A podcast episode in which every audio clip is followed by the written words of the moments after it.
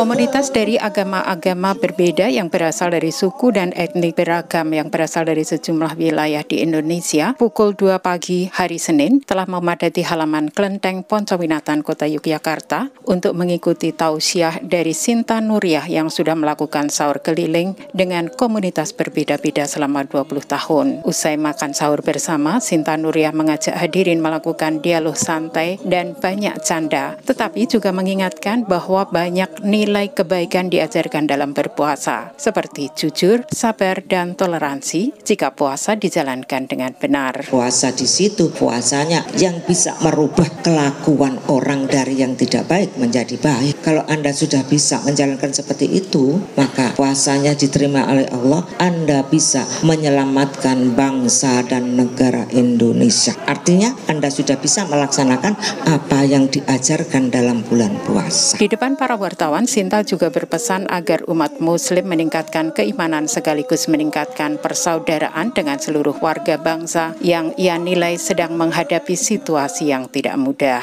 Ajaran yang dibawa oleh bulan puasa itu semua penting buat saat ini sebagai perisai pada dirinya bila terjadi sesuatu yang tidak diinginkan. Kita semua berdoa agar tidak terjadi apa-apa. Tapi kalau terjadi sesuatu, maka kita sudah mempunyai tameng di dalam kita masing-masing. Agnes Dwi Rusciati, Koordinator Aliansi Nasional Bhinneka Tunggal Ika, Daerah Istimewa Yogyakarta selaku penyelenggara mengatakan dipilihnya Kelenteng Poncowinatan untuk menunjukkan sahur keliling itu tidak eksklusif. Sebab selama ini warga sekitar yang berbeda agama sering berkumpul di kelenteng itu. Sedangkan tema terkait ujaran kebencian dan hoax adalah realita yang ada di masyarakat. Tema ini kan juga berkaitan dengan kondisi aktual masyarakat. Ini kan juga fenomena yang tidak hanya terjadi saat ini tapi sudah beberapa tahun terakhir. Ini yang kemudian ingin diingatkan Ibu kepada kita semua bahwa ini nyata terjadi di sekitar kita. Ada kelompok-kelompok yang melakukan ujaran kebencian, ada yang menyebarkan hoax, yang itu jelas bisa merusak persatuan. Marta, mahasiswa Universitas Sanata Dharma Yogyakarta adalah satu-satunya yang berasal dari Papua. Ia mengatakan kepada VOA ia tertarik hadir karena tema yang dibahas dalam sahur bersama. Tertarik dengan ini pertama saya melihat temanya. Temanya itu sangat mengenai karena belakangan ini ada isu-isu tentang tanggal 22 Mei bahwa akan ada people power dan sebagainya. Itu membuat saya sangat takut terjadi kerusuhan dan sebagainya. Romo Adrianus Maradio, PR, Romo Vikaris Episkopalis untuk Daerah Istimewa Yogyakarta menyambut baik ajakan Sinta Nuria untuk meningkatkan persaudaraan antar umat. Kegiatan sahur bersama sangat menarik. Lebih-lebih apa yang disampaikan oleh Ibu Sinta itu semakin meneguhkan yang namanya membangun persaudaraan sejati. Bagi saya semakin meneguhkan pula apa yang menjadi rencana induk Keuskupan Agung Semarang mewujudkan peradaban kasih dalam masyarakat Indonesia yang sejahtera, bermartabat dan beriman. Ronald Lugensbull, PhD, antropolog dari University of North Florida, Amerika Serikat yang sedang mendapatkan beasiswa Fulbright untuk melakukan kajian tentang Satuan Keamanan di Nahdlatul Ulama atau Banser, ikut menghadiri sahur bersama Sinta Nuria. Dari Yogyakarta, Munar Sisana melaporkan untuk VOA Washington.